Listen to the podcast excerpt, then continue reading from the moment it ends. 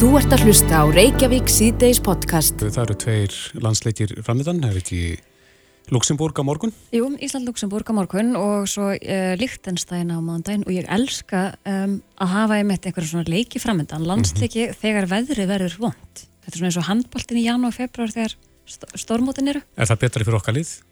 Ég veit ekki, að það fyrir geðhensu landans. Já, akkurat. En uh, það hefur mikil umræði verið um völlin, þjóðar völlin sjálfan og svona stöðuna. Það þarf að, að degra við grasið má segja þegar það er komið fram á þennan ástíma. Einmitt. Kristinn Vilhjálmur Jóhansson, vallastjóri lögatarsvallar er á línu, kom til sæl. Uh, heyrist eitthvað illa í þér, erstu þarna? Já, ég er hérna eitthvað. En hvernig verður vallastjóranu við þegar það fyrir allt í henn að snjóa? Uh, ég kannski á ekkert voru á nókumu núna en, en, en það er aldrei, aldrei gott að vita henni Nei Þannig að Hvernig fyrir hún með völlin? Snjókoma mm -hmm. uh, Hún er náttúrulega slæm á leikdag og, og hérna þá var bara amga og, og smá ekstra með hjá okkur en mér sýnist nú með að við spanna næstu dag að við hefum ekki vunað snjókomi Nei. Það er bara Þannig að þú þakkar vantarlega fyrir það. Jú, jú.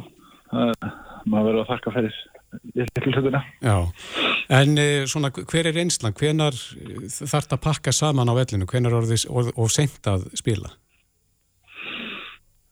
Uh, svo sem við horfum til sí, síðustu ára þá hefur nú yfirleitt bara tímabilið okkur loki kringum miðjan oktobers og núna er það hérna í lóknóver þannig að oftast pakkum við saman í oktober þannig að það er svona ofta svona síðasta sem sem hérna við getum spila mm -hmm.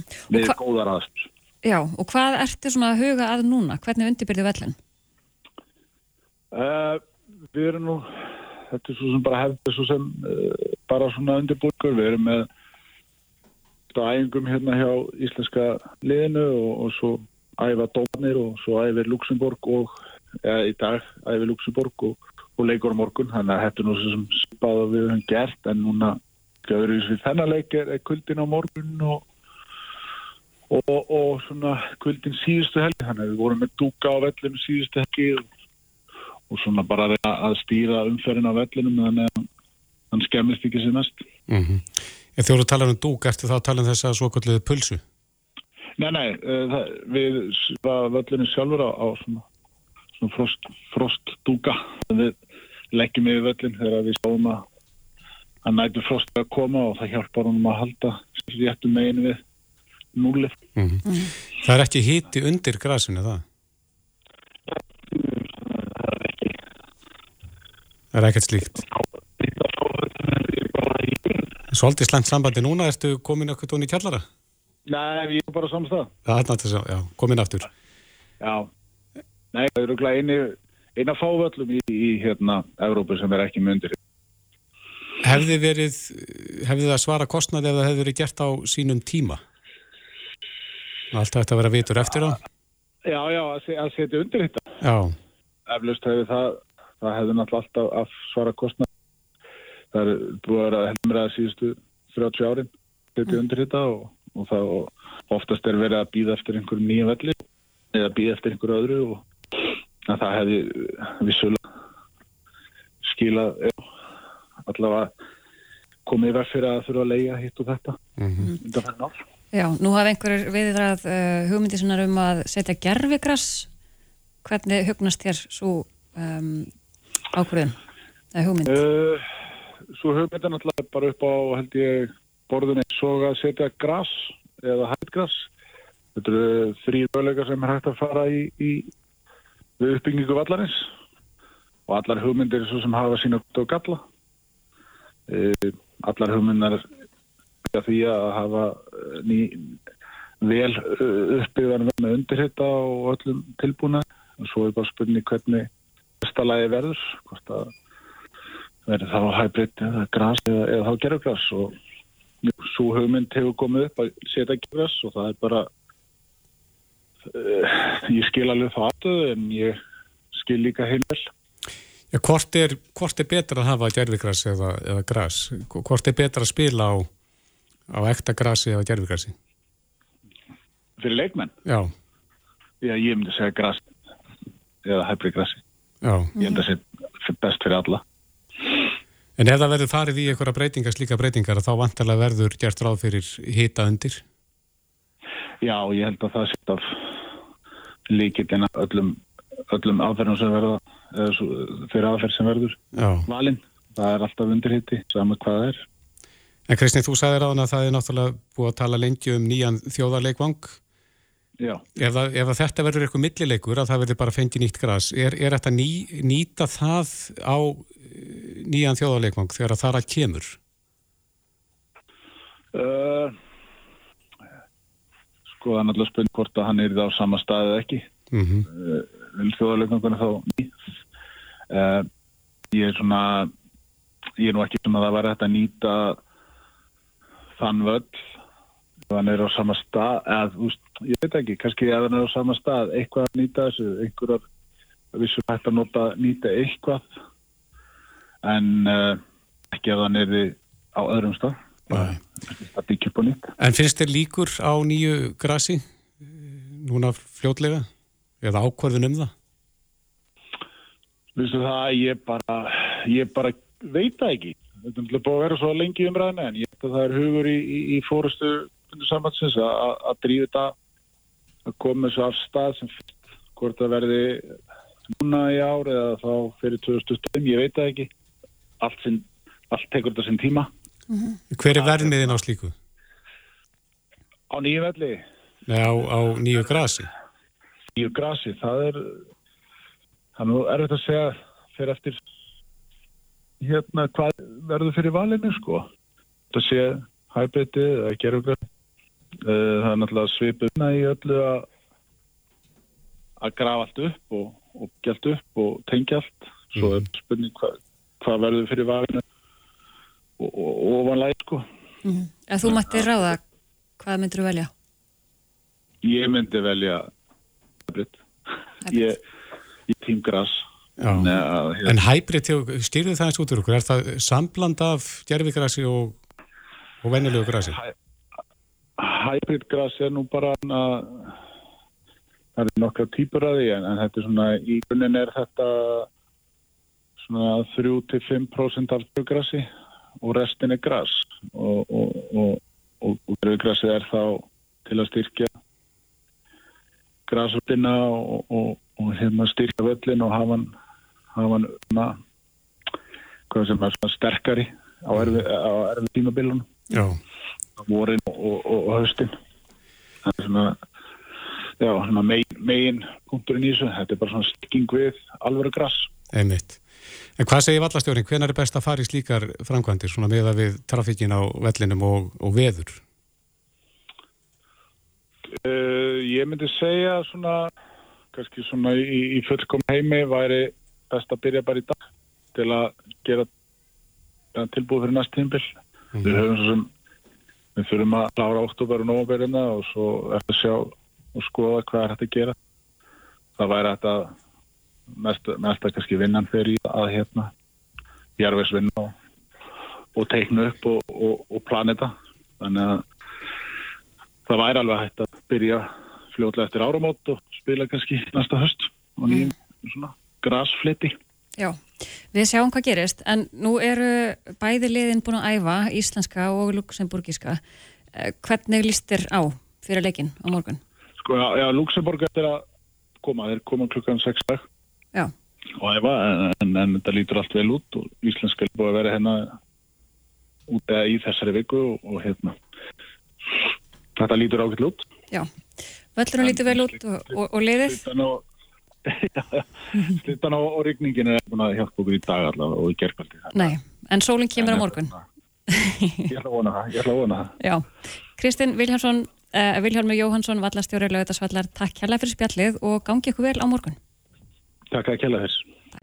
Þú ert að hlusta á Reykjavík C-Days podcast. Til að mér steinastóttir þinguna uh, skrifar grein inn á vísi.is með fyrirsögninni stafar okkur okn af átökum glæpa gengja í Svíþjóð. Þetta er stór spurning og menn eru að velta þessu fyrir þessa dagana. Einmitt, við töl, töluðum við Þorvald Flemming, okkar mann í Danmarku fyrir uh, skömmu. Og hann sagði alltaf að Danir hefði áhugir á stöðunni og bara nálaðinni við þessa styrjöld. En þeir stóðu í mjög ströngu fyrir um árati tökum mjög hart á glæpagengjum þegar þau höfðu svona uh, sér mest í frammi í Danmarku Nú Dilja Mist er komin til okkar ásamt fjölni Sæmundsinni, formanni landsamans lauruglumanna, velkomin. Takk fyrir. Ef við byrjum með þér Dilja, hvert þetta fara með þessari grein?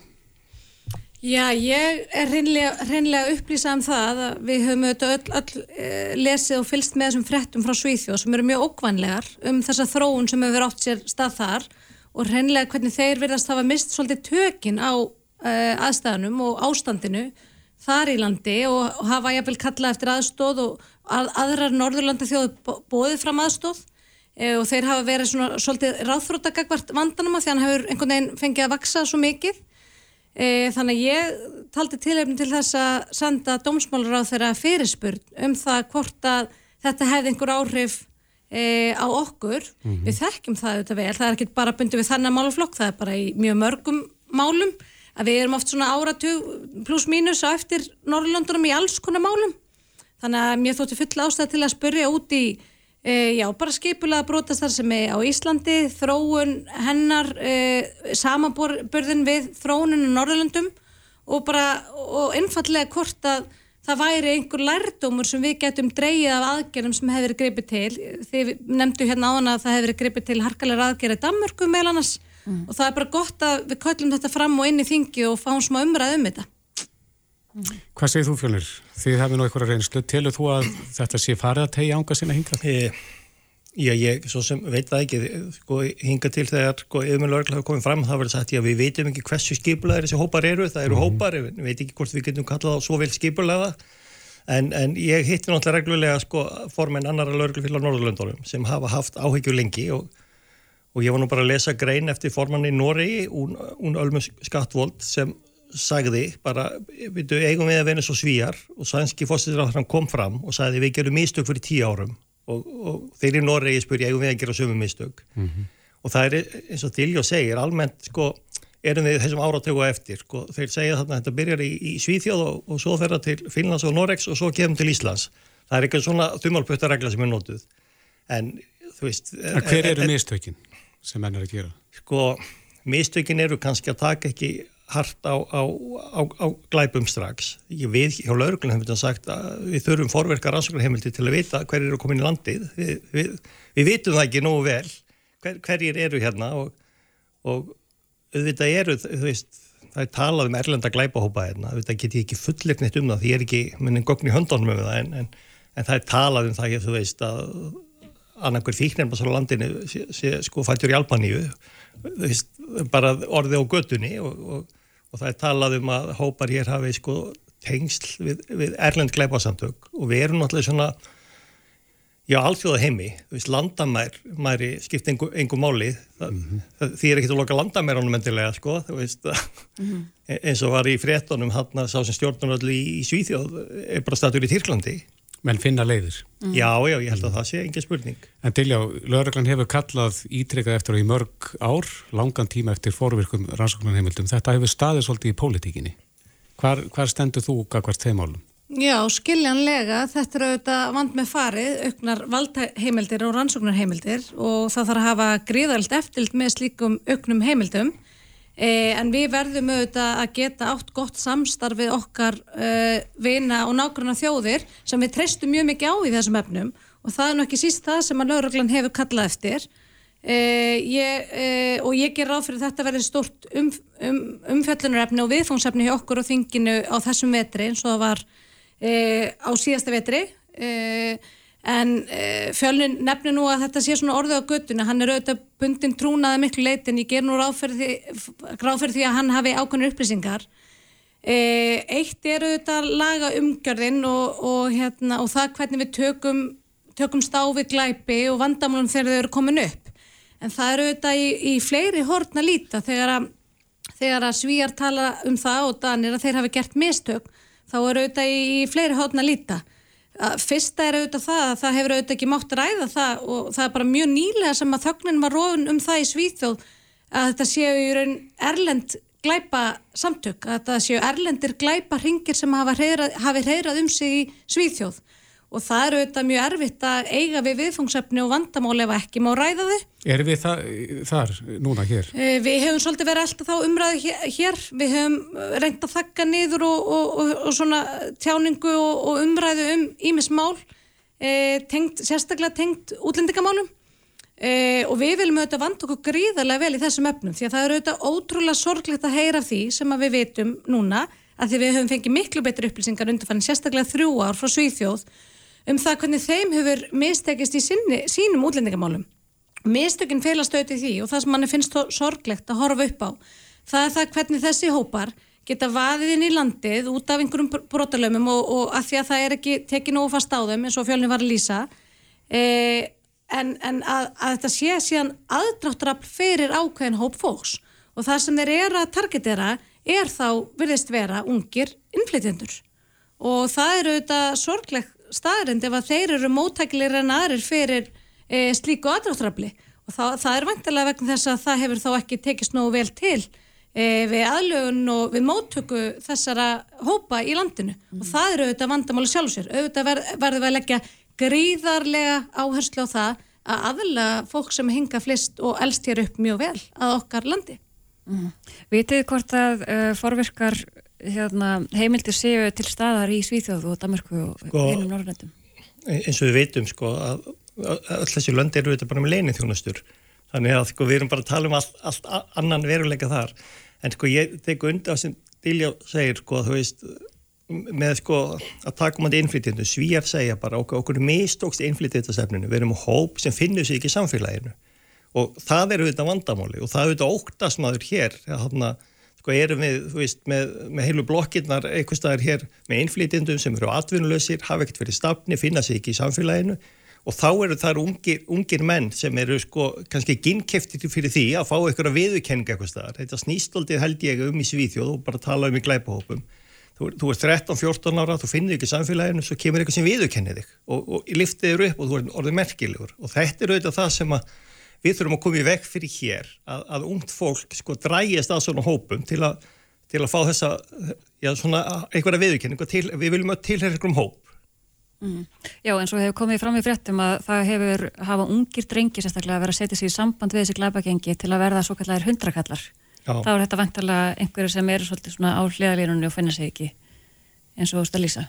Já, við höfum haft svona mál hér sko, stórsmál ekkert um gegnum skattin og þeir sem voru dæmdi þar voru allir bara svona 17-18 ára en það viss allir að, að þeir stóð ekki fyrir um miklum sveikum heldur er að taka á sér dóman og þetta er bara þekkt í, í glæpum allstæðar En snút frá hlið lauruglunar, hversu brínt er að lauruglan fái þessar heimildir fyrir fórvirkar rannsóknar heimildir?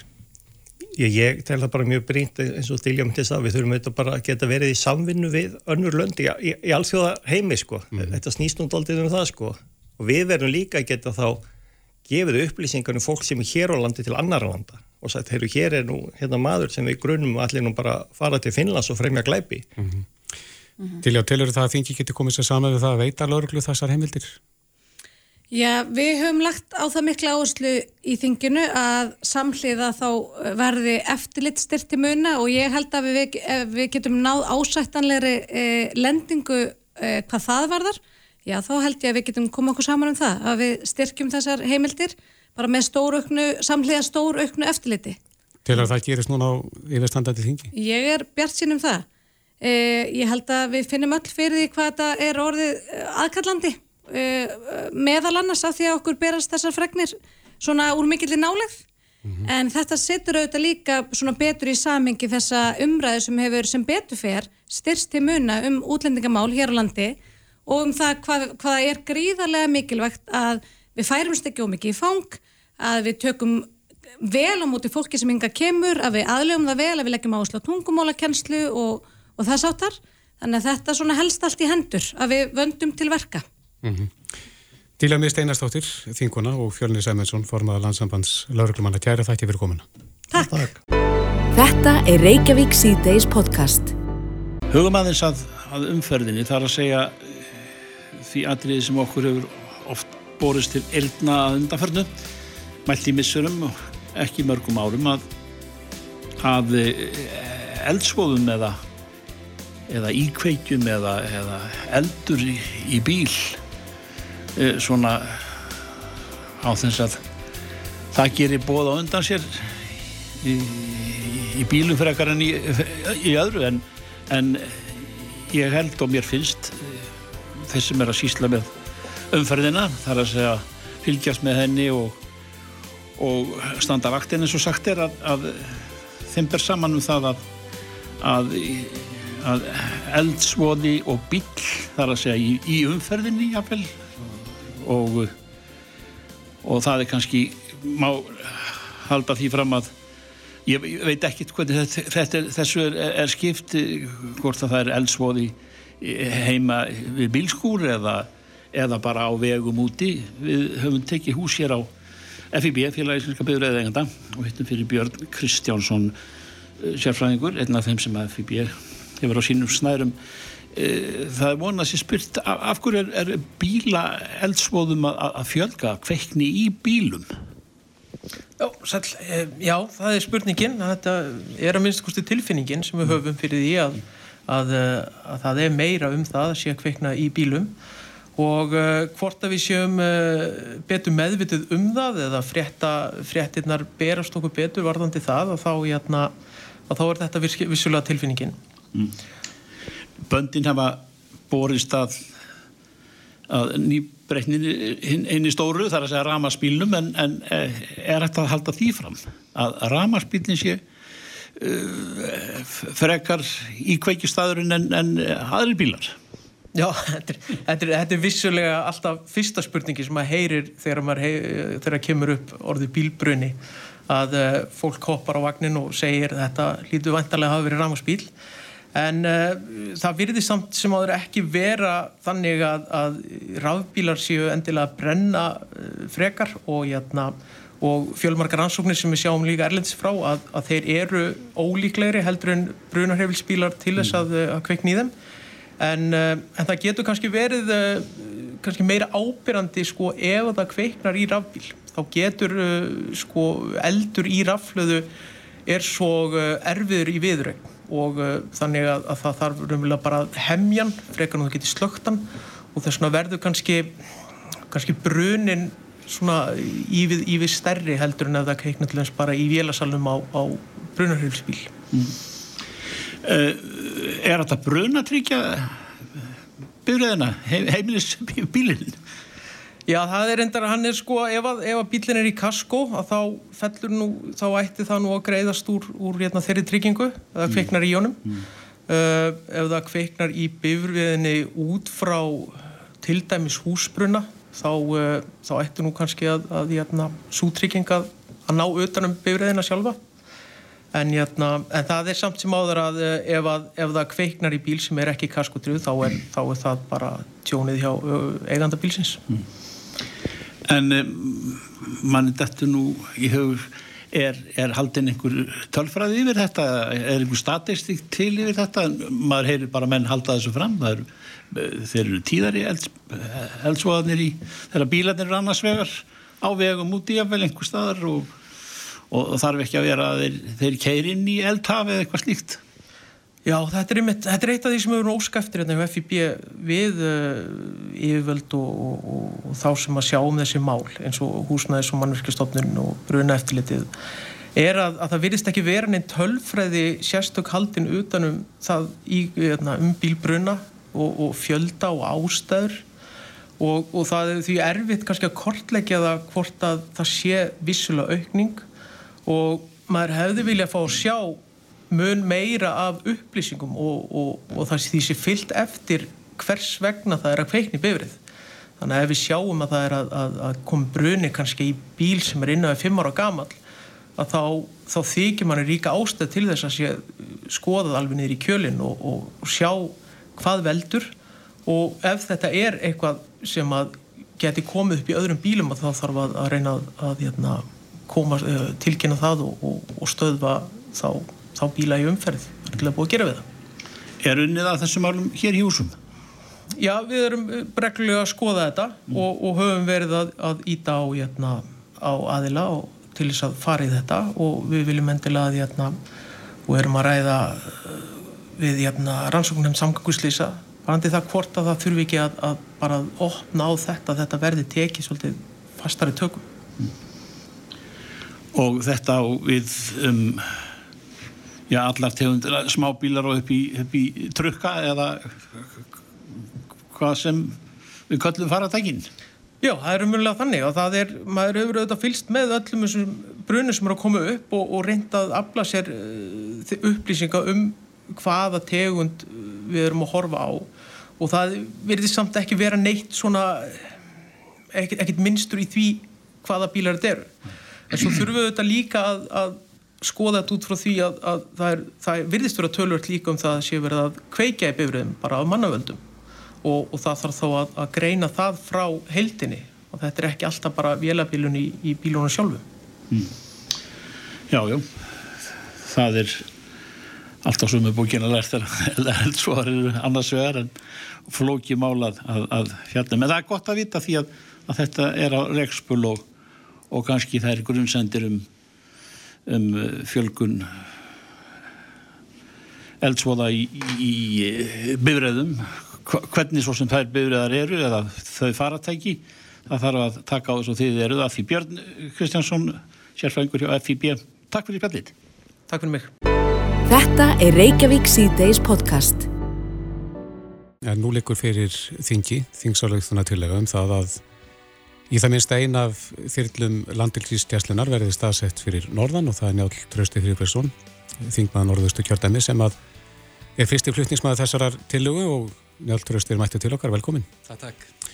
Já, hvað, hvað ert að spá með, með þessa þyrlu? Hvers vegna er þörfa að hafa eina þyrlu fyrir norðan? Það hefur náttúrulega aldrei verið þyrla staðsett með starfstu annar staðar heldur en í Reykjavík af landleikiskeslunar mm. og þetta kannski 2006 og fyrir 2006 þá voru, var varnarliðið með fimm þyrlur í, í Keflavík. En e, það er bara komin mikið þörfa á það og dreifa betur þjónustunni, björguna getun og leita getu landleikiskeslunar og raunverulega austur hluta landsins hefur verið sint mjög illa í gegnum áratíðina og við sáum það svona sem dæmi kannski tókum við mörg eftir því í sumar þegar að, að landíkisgjallan var staðsett með tvær þyrlur um Vestlumæhelgina, eina þyrlu um Vestlumæhelgina og Fiskítashelgina mm -hmm. þessar tvær helgar og það var bara mikið að gera og það komum bara upp verkefni sem væri ekki sint, hefði ekki verið sint úr Reykjavík en með að vera með staðsetta þyrlu nær það sem hlutir eru að gerast og, og miklu stittir flugtími og annað að það er bara mikið þörf til staðar nú í dag mm. Til að stitta viðbræðstíman Já, til að stitta viðbræðstíman, vera á snöggir þetta virki allt hratt og vel hjá okkur mm. Og hvernig er það þjónustan eins og í þessum dæmum sem nú lýsir? Já, til dæmis eins og við vorum að sjá þetta er það þannig að það er bara mikið trafík og, og, og það eru slís og óhöpp og annað Ég man svona dæmi í sumar, það var náttúrulega mjög alvarlega slís á Ólasörveginum uh, og þá var þeirrla bara nálagt. Þannig að þeir komu hratt og vel með, með þann einstakling á sjúkra ás og akkurýri. Það voru tilvika sem er að fara norðan við vatnaðjökul og segja ferðamenn, mótjólaslís og slikt. Þannig að það er bara vera að sinna raunlega miklu betur og með skjótari hætti austur hluta landsins. Þetta er raunlega myndi mest að hafa að segja fyrir Östurútalansis, eh, Östurlandið, Norðurlandið og alveg út strandir af vestfjörðum, allt norðvesturland líka, að, að björgunar svona viðbræðið er þetta bara allt um hætti heldur um þekkjum í dag á því landsvæði. Mm. Hefur talað eitthvað við landhelgisgesturna að búra þetta undir þá? Já, já, já. Það er bara, maður finnir, skinnjar ekkit annað en mikið og góðan vilja og það skilja allir máli. Það, það þarf ekkit að, að, að efast um mikið þess að slík starfstöð væri til staðar. Það er engin held ég að við fengið neitt með það. Mm -hmm. Þetta er eins og náttúrulega bara eins og maður þekkir í pólitík. Það þarf, það þarf að finna fjármagnið, það þarf að, að, að koma hlutum þannig fyrir að, að, að það sé til fjármagn til að standi í þessu. Mm -hmm. En Hva? ég held að skilji allir þörfina. Sko. Já, en hvað myndir þetta kosta til dæmis að reyka, eða bara ekstra kostnæðurinn við þetta? Sko, þetta get ekki alveg verið með hann upp á, upp á miljón, en það hefur verið bent á að hver áhöfn hjá landingiskesslun í dag, það eru fjórar, nei það eru sex fyrir ekki, það eru sex áhöfnir á þyrlum gesslunar á þessu þrejum þyrlum sem eru í dag. Og það talaði um að auka áhöfmyndi vera 400 miljónir á, á jæluna e, þú myndi þá nota vantilega eina af þessu sex áhöfnum fyrir norðan e, og vera með tvær áhöfnu þar vantilega þá fimm hérna í Reykjavík og færa eina að þrejum þyrlum norður. Og svo rótera þetta svo aðeins. En þú, það sem er að gerast með þessum hætti þú veit bara ebla björguna getur um all land og úti á miðónum á þessu leitarsvæði og höfum mjög mikið. Og það er ekkert efast um að, að, að, að fólki á gestlunni er mjög svo til í að skoða alvarlega hluti. Og það sem ég að þetta sé gert og ég er líka bent á í þessu umræða að það búa til dæmis tveir af flugstjórunum sex hjá gestlunni í eigafriði í dag. Mm -hmm. uh, það er blúvirkjar og akkurarflugulli öflugt fyrirtæki sem er meðans að sinna þyrlum í dag og þyrltu bara að fara á eitt afgöðu námski sem tækir 6-7 viku, það var þeir tilbúin í slægin mm. til, til að tjónusta vélandar sjúkraflugið í dag sjúk, uh, læknar sjúkraflutningamenn og, og, og slíkt er náttúrulega með sjúkrafluginu þegar í dag og þetta geta allt unnið saman. Það er, það, það er komin törlu þekking og, og svona á þessu sviði sem myndi henda inn í þetta að þjónusta svona. Þannig að innviðinir eru til staðar mm. og, og það hjálpa náttúrulega mjög að þetta er ekki endilega mjög flókin uh, prósess. En gengur til að nút á það að þýrlanir er staðsett á Akureyri? Hún gengur út af það líka út á þessum innviðum. Nú er mjög áhugaverð skýsla sem að ætti að vera byrtast eða, eða, eða, eða rínd rítgerð lækna og fleiri aðila á Akureyri mm -hmm. Sem er það sem er voru að vinna með raunverulega bara alla tölfræði sjúkrafljósu við langt tímabils og hvar væri mest best að vera með staðsetta þyrlu til að sinna sjúkrafljósu í Íslandi. Það er, það er að, í Möðrudal á Öröfum, eða Möðrudal sem sagt Möðrudalum milli Akureyri og, og, og, og Akureyri í stað en þannig að það er að velja á milli sko, og ég hef alveg skilning á því að vera með þetta eigistöðum eða, eða hvað sem er en, en það kemur í ljós að, að það myndi hámarkað að vera með Möðrudalum en allir innviðinir og struktúrin bara í kringu flugið hann er mjög sterkur aðgurið til að sinna svona verkefni. En hvaða svæði myndi þessi þyrla þá þjóna? Hún myndi þá eins og segi bara öllu Östurlandi, Norrland eistra, uh, Norrland vestra og að ströndum, uh, vesturarkjálkanum, strandirnar og, og náttúrulega hálendið. Náttúrulega Akureyri er, eða skoðið landakortið og drægir svona ringi kringum Akureyri kannski klukkutíma fluttími, mm -hmm. þá er Akureyri ótrúlega miðlæg staðsending í landinu. Þannig að þetta er náttúrulega 60 km inn í landi frá sjó og, og síðan stuttin á hálendið og til að sinna mjög stóru svæði í landinu. Þannig að það er líka áhugaverð bara landfræðileg staðsendingi. En þú hefur líka verið kallað lengi eftir sjúkra þyrlum, það er sem minni þyrlum Já. sem að væri svona uh, ákveðin sjúkra bíl mm -hmm. í loftinu í rauninni. Mm -hmm. Er meiri þörf fyrir slíka þyrlu kannski frekar heldur en þessa stóru frá gæslinni? Já, sko það sem er eiginlega grunnurinn að þessu stórum þyrlum gæslunar, af hverju við erum með svona stórar og hvað kröfu gæslan er að gera að við gerum til gæslunar um hvaða tegundir að nota í þyrlunum er að það er hugmyndin að geta farið frá 220 sjómilur út frá landi og sótt tíu manns halva fristutógar áhöfn og koma inn í land þetta er ekki oft sem þetta gerist en, en þetta gerist að það þurfa að fara að sækja marga út á sjó mm -hmm. en innanlands getur kannski komist upp með annars konar vélar, öflugur minni þyrlur mögulega, þetta er eitthvað sem þarf bara að skoða í, í held, heldsinni sko en þetta með stóru þyrlurnar og þessar tóra áhafnir það er svona grunnurinn af valinu á tegundinni sko. en þetta, það þarf bara að finna þetta samspil hvað nýtist okkur best í, í svona heldar samvikið hluta mm -hmm. Þú talar um í þings álöktuna til auðvunni mm. að um, að vera ekki skynsalegt að hafa öll ekkin í sömu körfunni mm -hmm. getur hans útskipt það fyrir okkur? Það, það er, er náttúrulega út frá til dæmis að geima alla þyrlunar á sama stað í sama skílinu. Þú veist, það er bara svona einfaldi hluturinn ef hvað kemur upp á brunni eða eitthvað. En líka það bara að björgunar geta sér öll staðsett á sama stað. Gagvart mm. einmitt slísum óhöpum og annað í umkörunu að er það ekki reynda skinsanlegt að koma þannig fyrir að, að henni séð á dreift með betri hætti og geti sint á landinu öllu heldur hann að vera bara með hennar klukkutíma flugtíma út frá út frá uh, höfbruksvæðinu mm -hmm. sem að, sem að um það geng, já. Hversu margar áhafnir eru á vakt á hverjum tíma? Sko það er talað um uh, það eru raunverulega tvær áhafnir tvær áhafnir í dag mm -hmm. á 60, uh, 65% tíman með sex áhafnum þannig að þetta er áhafnir sem er að kalla út skum, skumum fyrirvara.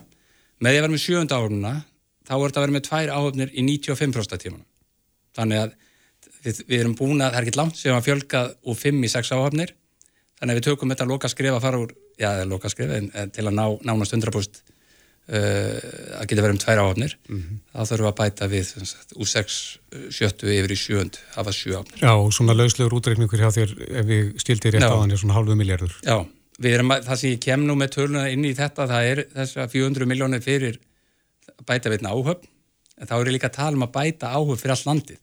Þetta snýst ekki bara um aukakostnum sem verður til að Akureyri, heldur að bæta við áhöfn, þannig að þú munir nota, það eru notað tvær áhöfnir á Akureyri af, af þessu sjö, þannig að það er náttúrulega verið að þjónust allt kerfið líka með þessu og síðan þetta kannski að byggja flugskili eða þarf að fara í það, þá mun það kannski kosta 200-300 miljónir, sjálfur einskiptis kostnæður. þú ert sjálfur frá Norðurlandi. Hvernig er tilfinningin, og þú maður þekkir það ekki sjálfur, komandi bara af höfuborgarsvæðinu, hvernig er tilfinningin að búa á þessum svæðum þar sem það er ekki þyrla?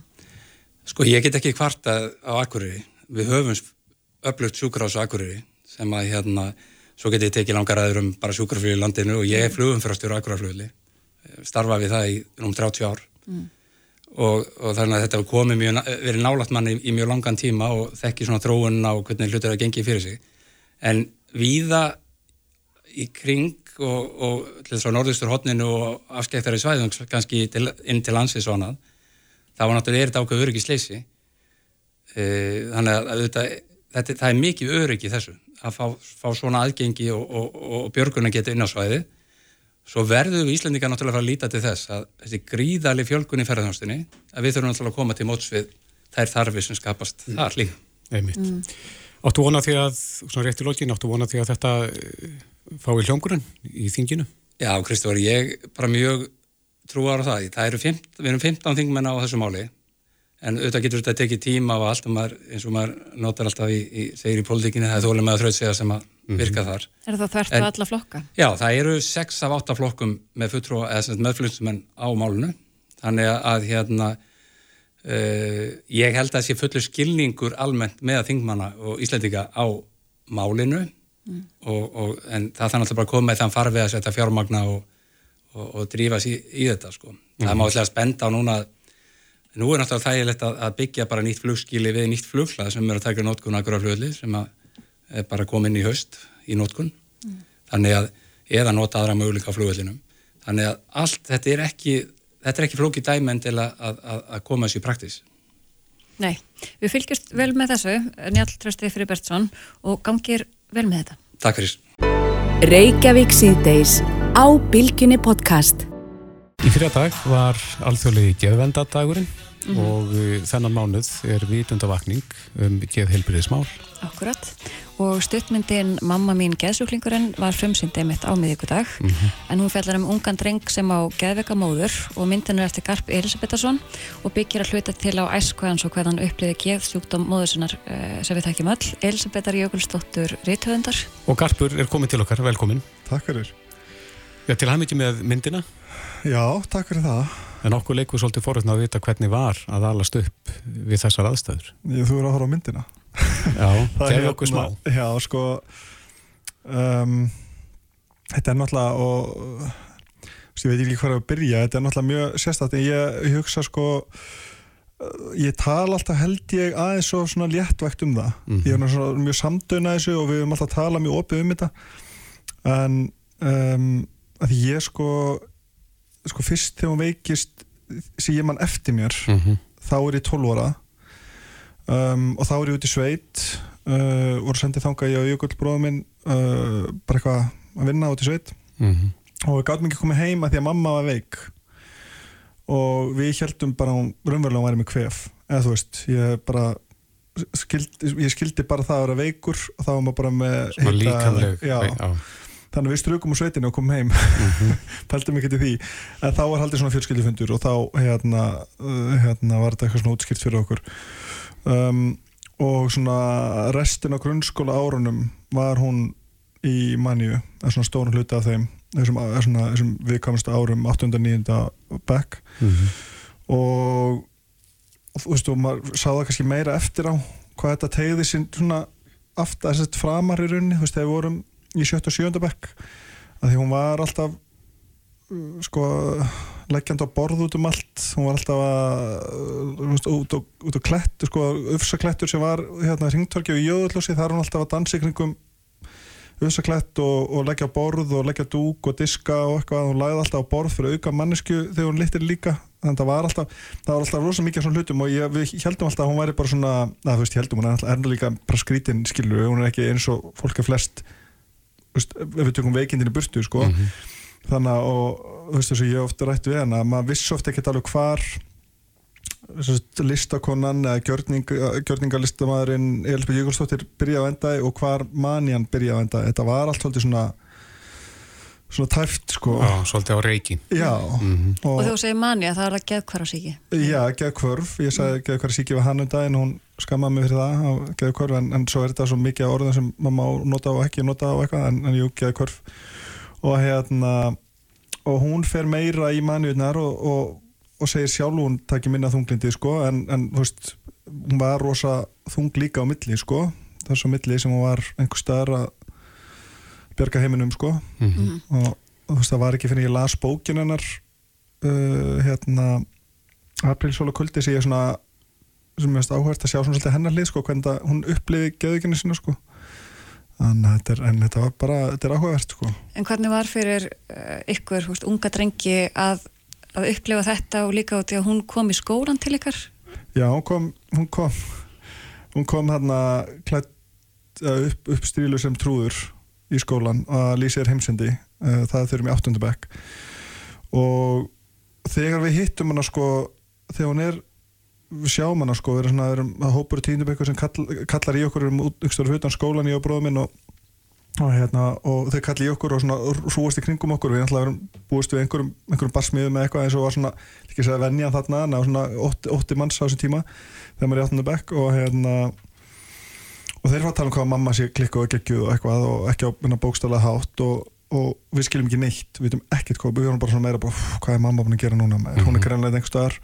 Og svo sjá að hana og uppklætt uh, strílu sem trúður og svona vaggar einhvern veginn um uh, og þá vissu við ekkert það sem hún búin að gera og skildum ekki neitt sko, það var ekkert fyrir bara einhvern dögur setna sem ég fyrir þetta hún hefði verið bara upp í skóla að lappa í stofur og lýsa verið heimsendi og alls konar og uh, og þú veist og það er svo skrítið að segja það en þú veist þú veist, þetta, trubla okkur ekki þannig meira en bara svona bara eins og hún hefði bara verið að koma við næsti okkur í skólan og skömmast okkur um ömmu okkar. Þetta var ekki, upplifinu var ekki eitthvað brjáluð sko. Á þeim tíma, en þegar þú horfðu tilbaka? Ég veit hvað þetta klikkað sko en, en mér, mér fannst þetta ekki snerta mig þannig fyrir utan bara að ég veit núna hvað þetta er rugglað sko. En maður var orðin svo, þetta var, þú veist, lína voru svo blörri hvað maður fannst í lægi og ekki að því að var svo mikið á svona hlutum, einhvern veginn í sjöndabæk þá koma einhverjar bekkjarsýstur okkar og böngu upp á heima því að mamma plata þær til þess að leggja á borð upp á auðsaklett og það er meiku ekki að segja nei við hana þannig að er komið til okkar og báð okkur um að gera þetta fyrir sig og við bara nei, þið bara komið okkur í þetta þið komið okkur út úr þessu og skelltum bráður sko. mm -hmm. og hérna, þannig að þú veist, við, þú veist, þetta er búin sér mörga ár hjá okkur bara eitthvað svona að vennjast í að mamma væri bara að gjör svolítið markalauðs út um allt í einhversu svona Gjörningum. gjörn, gjörningum og einhverjum rugli sko. og svo fór alltaf að segja okkur sögur líka þegar hún er í og fór hún að segja okkur sögur að þegar hún veist, uh, hérna þú veist, er að bjarga heiminum með að hoppa út í að skriða hún í einhverju á og, og, keira endalust og alls konar hluti sem hún gerir og alltaf til þess að bjarga heiminum sko, alltaf fórna sjálfur sér til þess að bjarga heiminum sko. hún, var- að ringja upp á fréttastofu og veðustofu og, og ég hef alveg talaði fréttafólk núna þegar maður er byrjað að vinna fjölmili hérna að maður talaði fréttafólk sem mann eftir þessu símtölum þegar maður var að ringja og lýsa þér heimsendi sko. og hérna þannig að þetta var mjög svona þú horfið tilbaka mjög klikkað en maður átti að segja ekkert á því þá sko Mm. Þú tókst viðtalið henni í gær, mjög áhugavert viðtal Já, já. í Íslandi í dag, þar sem hún lísti líka sinni hlið af, af þessu, Mhm. þessum árum. Já og það er mjög áhverst að heyra þú veist líka sín, segir manni hvað upplifa, upplifanir fólks eru misjafnar þú veist og maður horfir alltaf öðruvis á þetta þegar maður er 12-15 ára strákur eða 10-15 ára strákur en, en svo bara fullur um kona og he- he- okkar minningar fari ekki alveg saman af hlutunum veist, en ekki það ég og bróðum minn erum svona tveir aðeins sterkari hérna, þú veist, tveir mot einum en, en veist, en þetta er rosa mismöndi upplifanir og, og, og, og mér finnst alveg mjög áhugavert og gaman að heyra hennar hliða á svo öllu sko, mér finnst alveg mér finnst það mjög áhugavert og einhver staðar verðum við líka að aftengja það bara að þetta sé mammamann svo þetta er líka bara manneskja og, Mhm. og, hérna, og ekki hugsað út frá sjálfur sig heldur svolítið að, skilja hennarli og skilja hvað hún er að koma og, og Mhm. mm. viðst, það hljóta skipta máli að vera ekki svona upptekinn að þú veist, hvernig maður er veist, sjálfur heldur hræðilegt, ég veist, langar svo að prófa að upplifa þetta að þessu aðstænd að segja þetta en mér langar svo að að skilja þetta betur Verið í hennar spórum. Já, þú veist að því að hennar þetta er svo stert í henni að fara að bjarga Mhm. heiminum langar, þú veist, þetta er glæður svo erfitt að finnast heiminum sé bara herðum, herðunum á manni sem, og maður þarf að bjarga honum Mhm. þetta er glæður þvílíkt álag En kannski þetta hlýtur að hafa litað þitt líf og, og móta þig. Í hvað átt hefur þetta móta þig, heldur þú? Ég sko, ég er náttúrulega bara nýbyrjar að koma staði að þetta móti með eitthvað ég hef alltaf, þú veist og maður heyrir það svo ofta því ég drekki ekki og hérna, hvað, maður sé nú heilst eftir að ég kem nú alls konar bakgrunni og Er hérna, það út af þessu kannski sem þú Nei, tókst við ákvörðuna? tókum bara ákvörðun þegar erum 11 ára, ég og bróðum minn og það var ekkert, við komumst í setna það voru alkoholistar í fjölskyldinu og mikil, mikil óregla en hérna en svo var það bara, þessu síðustu tvö árin sem ég er að svona einhvern veginn að skoða hvernig þetta hefur haft áhrif og þú veist, það hefur alltaf haft mikil áhrif á alls konar í, inn í sjálfum mér og í tengslu annað fólk og, og, og maður getur ekkert lagan eitt fyrir maður lærir hvað er að. Þú veist, að því annars er maður alltaf bara einhvern veginn bara í labir hingi, sko. Þannig að það er bara mjög, það mjög skemmtilegt, sko. Finnst mjög gaman að svona tengja bara, já, nú skil ég þetta hér já, nú skil ég okkur, eða þú veist, þetta er svona þetta er áhugavert, sko. Þannig að mér finnst það gaman, sko. Mm. En Garpur, hvernig, hvernig hefur mamma það í dag? hún hefur bara mjög fínt sko. Mhm. um, hún þú veist, hún fór síðast í manni 2019 segir hún. Uh, ég, mani líkt eftir því. Ég held að það hafi verið mjög svona lítil manja uh, en hún hefur verið fínt sko. Minna, það var alveg þannig lengi vel að þó hún var ekki beint að detti einhverju manjur að þá var hún ringdi veist, hún ringdi á sjúk, sjúkrabíla nánast þessu leigubíla. Þú veist það var svona alls konar alltaf að gerast Mhm. og það var alltaf, hún var alltaf leiðin upp á getild og hún var alltaf á leiðin eitthvað og alltaf sjúkrabíl og eitthvað. Og þetta er eftir að ég fluttur út sko, fluttur að heimann og, hérna, og maður var hann svona bara þreyttur á þessu. Og veist, maður bara, já, já, þú veist, maður, þetta þú, veist, þú, þú hættir að taka marka á þessu, þetta er bara úlur, úlur, alltaf. Þannig að þegar umvel eitthvað, þú veist, þannig að maður áttar sig ekki á því hvort hún hafi verið komin ykkur manni eða hvort það er eitthvað umvel aðeins, maður var bara þreyttur. Maður bara, já, ég mitt einmitt, og bara, syngdu bara sjúkrabíl, eða skilur Mhm. þannig að hérna, en hún er í dag hún bara, þú veist, bara flott og, og gaman að tala um þetta og gaman að einmitt, í þessu viðtali þú veist, sem ég tók við hana að þessu spjall okkar, að gaman svona að heyra hennar hlið, en hún er náttúrulega líka veist, hún er náttúrulega líka bara ekkert eðlilega magnaður listamæður með ótrúlega frjóan og magnaðan haus sem er náttúrulega líka ofta að komast inn í bara upp á það að gera, ég bara skil ekki hvernig þetta er í hug þessi hlutir sem er þetta í hug sko. Um, en maður verður uh, þú veist, ég á ennþá í smá basli með að aðgreina aftur listamannin og konuna sem kannski verður stundum veik Mhm. Mm. þannig að þú veist, en við eigum alveg mjög bara svona hilst eftir gott samband þó að sé mjög krefjandi að köflum að því að þú veist, þegar maður er búin að gangi í gegnum eitthvað svona maður, maður finnur alveg maður á alls konar tilfinninga og gaggast þessu sem, veist, þegar við um einhver samskjöld þá svona getur lítið að taka hjá manni og maður getur alveg orðið bara farið aftur í úlingin sko, bara í þau samskipti þegar maður er að tala á hana maður svona finnur alveg að, að þau samskipti bara blossa upp í manni þannig að þú veist, stundum á einhver þólimaði í þetta þú veist, alveg svo ég get ég myndum ekkert alltaf þólimaði mig sko, en, en, en við eigum það, við getum alltaf að tala saman og er svona, er svona heiðrætt og hreinskili samband sko. Að- En þessi mynd er komin inn á stöðtöð plus, er það ekki? Jú, hún er stöðtöð Stuttmyndin. plus og bara Hva, Hvað heitir hún þar? Mamma mín geðsölingurinn og ég held sér bara undir kvikmyndi þar og Mhm. var undir nýjar kvikmyndir. Ég er búin að fá ekkert, ég er búin að fá ekkert smá mikið af viðbröðum eða bara uh, eiginlega ótrúlegt sko, kalla ekki að mér. Ég er búin að fá mikið af símtölum frá alls konar fólki sem ég þekki og þekki ekki og skilabúðum frá fólki og bara, ég bara þetta snerti fólk miklu, miklu meira ég svona hefur nokkuð tíma geta ímyndað mér sko. Er það margir sem kannast við? Já, Við bara, já, heyri fólki sem bara ég ólst upp með og, og sem verður að segja mér sínum málum og, og svo fólk sem ég þekki ekki sem verður að segja mér sínum málum og eitthvað þannig að þetta er Og fólk sem skilur vantilega betur í dag hvað tekka á, á, Já, á, já, á þessum algjörlega og algjörlega og ég fekk alveg þegar ég var að gera þessa mynd og veist, vonandi ger ég stærri mynd einhvern veginn setna en ég man alveg ég var að fá skilabóð frá fólki þegar vissi að ég var að gera þessa mynd bara ég lagt til að sjá að því að þú veist að viss allir að var eitthvað. Mhm. þú veist að viss allir að það var ofta ekki til matur í maður þú veist svo fóreldrar vina minna hafa sagt mér eftir ég var fullorinn að þau voru hægt að gefa okkur að borða þegar við komum í heimsókn að því ég vissi að hún ekki fá að borða heima. Þannig að og ég fattaði þetta aldrei ég, í minningun er ég alltaf að borða heima með vinnum mínum. Ég, ég held alltaf að ég er svo, svo gráður alltaf að borða heima en þú veist að það er alls konar svona hluti þannig að fólk var alveg forvitið Og er alveg forvitið, já meðvitað sko. Þannig að en þetta er þetta er bara mjög þú veist, og mér er gaman að þú veist, fá sér viðbröð, það gaman að fólk hafa samband og mér, þú veist, bara öll þessi samtöl og, og, og þessi tengsli kringum þessa mynd bara mjög skemmtileg sko. Já. og við hvetjum fólk til þess að kíkja á hana Já, hún er Sturlu öll Plus. eftir 11 að 13 myndur. Þetta er um þetta er ekta stuttmynd. Já, ekta stuttmynd. Garpur Elisabethason, kæra þakki fyrir komuna. Kæra þakir Hlustaðu hvena sem er á Reykjavík C-Days podcast. Já, þá heldum við áfram hér í Reykjavík síðdeis. Það hafa nú ekki verið fallega fréttir sem við höfum fengið á undarfærtum dögum. Nei, Uh, mikið af stríðsfréttum og, og mannfalli og ég mitt hugsa bara til mín þegar ég var lítil. Ég hlustaði mjög mikið á fréttir uh, og tók þetta allt inn Mhm. og andla, veran, verandi með lítil hjart, lít, lítið hjarta á hérna, svona yngri árum. Það sagði ég einhver frá því heldur hvað ég var að hugsa.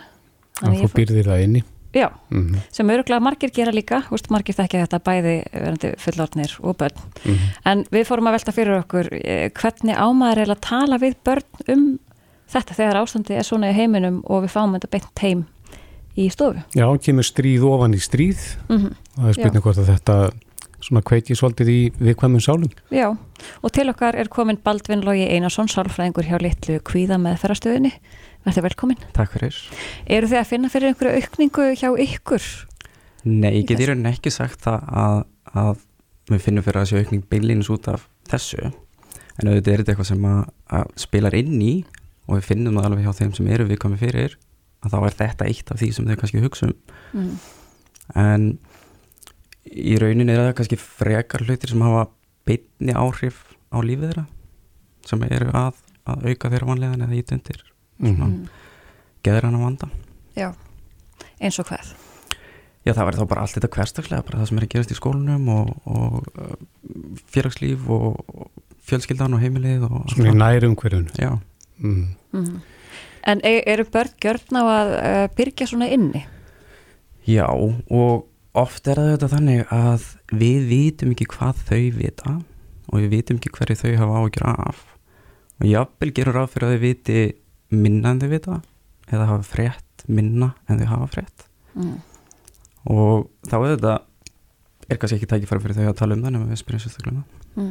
Og hvernig er best að nálgast börn með svona, þetta er svo stórt topic? Þetta er um svo stórt og auðvitað viljum við ekki vera að ræða við þau hluti sem að þau er ekkert að spá í og eru kannski bara þungir fyrir þau. En besta leiðin í þessu eins og svo mörg öðru er að byrja bara að hlusta. Ef maður hefur áhuga sérstöku málefni og hvort að þau hafa ágjör á því getur við byrjað að spyrja brófið Mm. Mm. hvað vitið um þetta, hafið þið frétt eitthvað um þetta? Um, og svo vinna út frá því.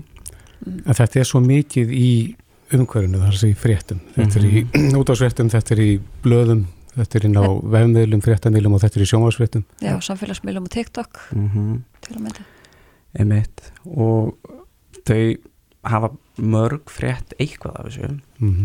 en síðan hvað áhrif þetta hefur á geðhilsuna hjá þeim uh, er síðan kannski allt annað mál og eðlilega kalla alltaf fram alls konar tilfinningar þegar þau heyra þessu og það er bara eðlilegt og við viljum það að, að, að koma í ymsa tilfinningar en það hvort þetta leiði síðan til vandamála með tilfinningar það er síðan annar mál Getur þetta komið út síðar? Það getur gert það og þetta sjáum við stundum með eins og til dæmis þunglindi hjá unglingum að það voru oft svona uppbyggt vonleysi gagvart heiminum þess að fá mikið að fréttin til dæmis frá bandaríkjunum og einhverjum, einhverjum sem að þróast þar eða svona í heimsmálunum almennt Mm -hmm. og þá smátt og smátt getur að fara ít undir eitthvað vonleysi og þá mögulega þunglindi eða eitthvað tilfinning á það Nú er líka verið talað um lofslagskvíða mm það er að segja að það sé verið að hræða börni með því að heimurinn sé að farast Já, það er eitthvað sem við Verið þið sjáum vörfið, vörfið Mhm. það?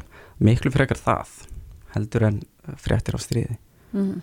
og það er eitthvað sem þau oft líta á þannig að sé eitthvað svona yfirvamandi hætta fyrir þau sjálf Mhm. þeirra fólk eða þá jafnvel í þunglindi þetta er börð að, að staðin í heiminum sé vonlaus og þá myndast vonleysi á þeim og tilfinningavandi Mm. Erum við að rángri braut í þeim málum? Það er að segja, er of mikið verið að ræða börnin með slíkum, slíku tali?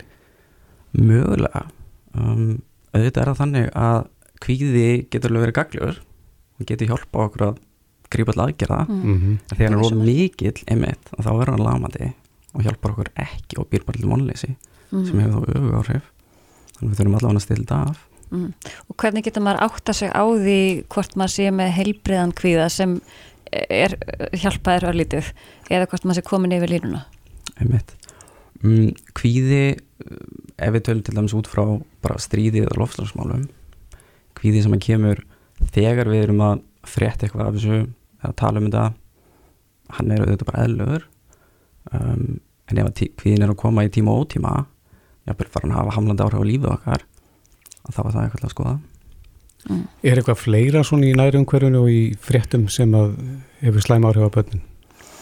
Já, auðvitað bara alls konar. Hvað með að- pólitísk málefni og slíkt? Er- Eru þau að fylgjast með slíku tali?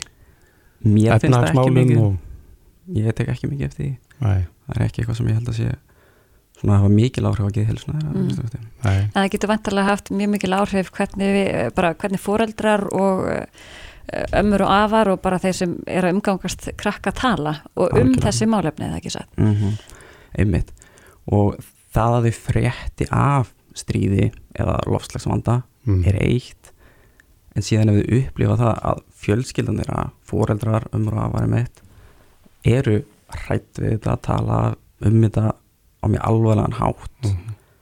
þá er alveg líklegt að það getur valdið vandum Þá er þetta komið svona inn í innsta ring. Já, og þá er þetta orðið eitthvað sem að einmitt bæði þeim finnst vera að hafa, hafa áhrif á þeirra líf og þau bara taka náttúrulega miklu meira mark á því heldur en því sem að, að sjá, heyra kannski í skólanum eða fréttum í útvarpinu eða hvað það er Mm. Hverju mælur með það? Á maður að passa hvað maður er að segja þá?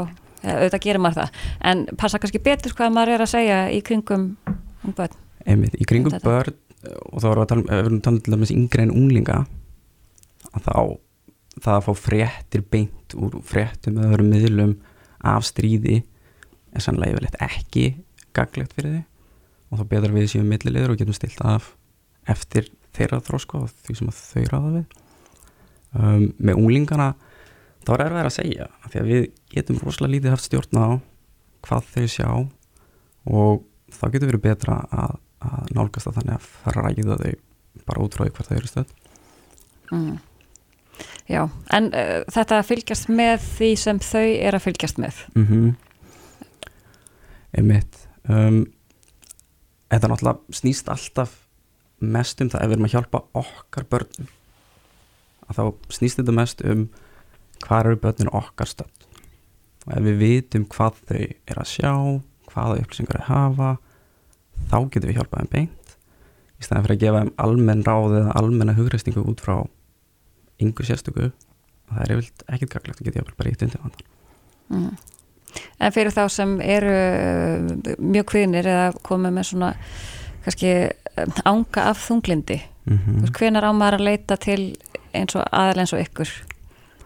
einmitt um, auðvitað er erfitt að segja en þegar þið fara að hafa hamlandi áhrif á eitthvað helstu sviðum í lífinu er erfitt að sinna starfi eða námi erfitt að njóta tíma með fjölskylda eða vinum var að fara að gera minna af því sem það gerði áður var að njóta lífsins minna geta alveg verið ástæðilega að skoða það frekar Mm. Já, þetta hafa fullorna og mm Já. En fyrir einmitt uh, eins og við höfum verið að tala um hérna þegar maður horfður svona mikið á fréttir um stríð og stríðsrakstur þetta, þetta tætir mann alveg svona, þú veist, tekur svona smá, smá, smá og hérna eftir nokkrar vikur það er maður orðin svona aðeins meirari fyrir vikið. Einmitt. Hvað geta fullorðni gert sem eru viðkvæmi fyrir þessu? mm -hmm. augljósa svarið er að takmarka hver mikið maður er á miðlum og að taka inn þessar upplýsingar og því eins og ég segi þá er það er eðlilegt að upplifa erfiðar tilfinningar við að fá þessar upplýsingar og ef við erum að fá þessar upplýsingar í tíma og tíma og þá auðvitað verða tilfinningarnar meiri og fara að hafa meiri áhrif á lífum hans og það getur að vera erfitt. En getur verið ónæmari fyrir þessum fréttum? Já, auðvitað getur það gerst líka. Mm, og kannski mismyndið þessu fólki bara hvað áhrif þetta hefur. Mhm. en mm, ef maður finnur að maður er að taka þetta inn á sig að þá er kannski ekki góða leiðin að, að horfa bara meira alltaf að vera ónæmari. Mm Nei, bara taka ákveðin tíma á dag Mhm. í þetta og fara ekkert yfir eitthvað svona limit. Einmitt með, með áhyggjum almennt bara þegar, hvort þau eru börnið fullundir hafa ómiklar áhyggjur á einhverju að þá er auðvitað fyrst að skrifa bara takmarka tíma sem að fer í það Mhm. Já. og sjá hvort það virki Mhm. Fínar ráleitingar hér, Baldvin Lógi Einarsson, sálfræðingur hjá litlu kvíðameðferðastöðinni. Kæra þakki fyrir komina. Takk fyrir. Reykjavík síðdeis á Bilginni podcast.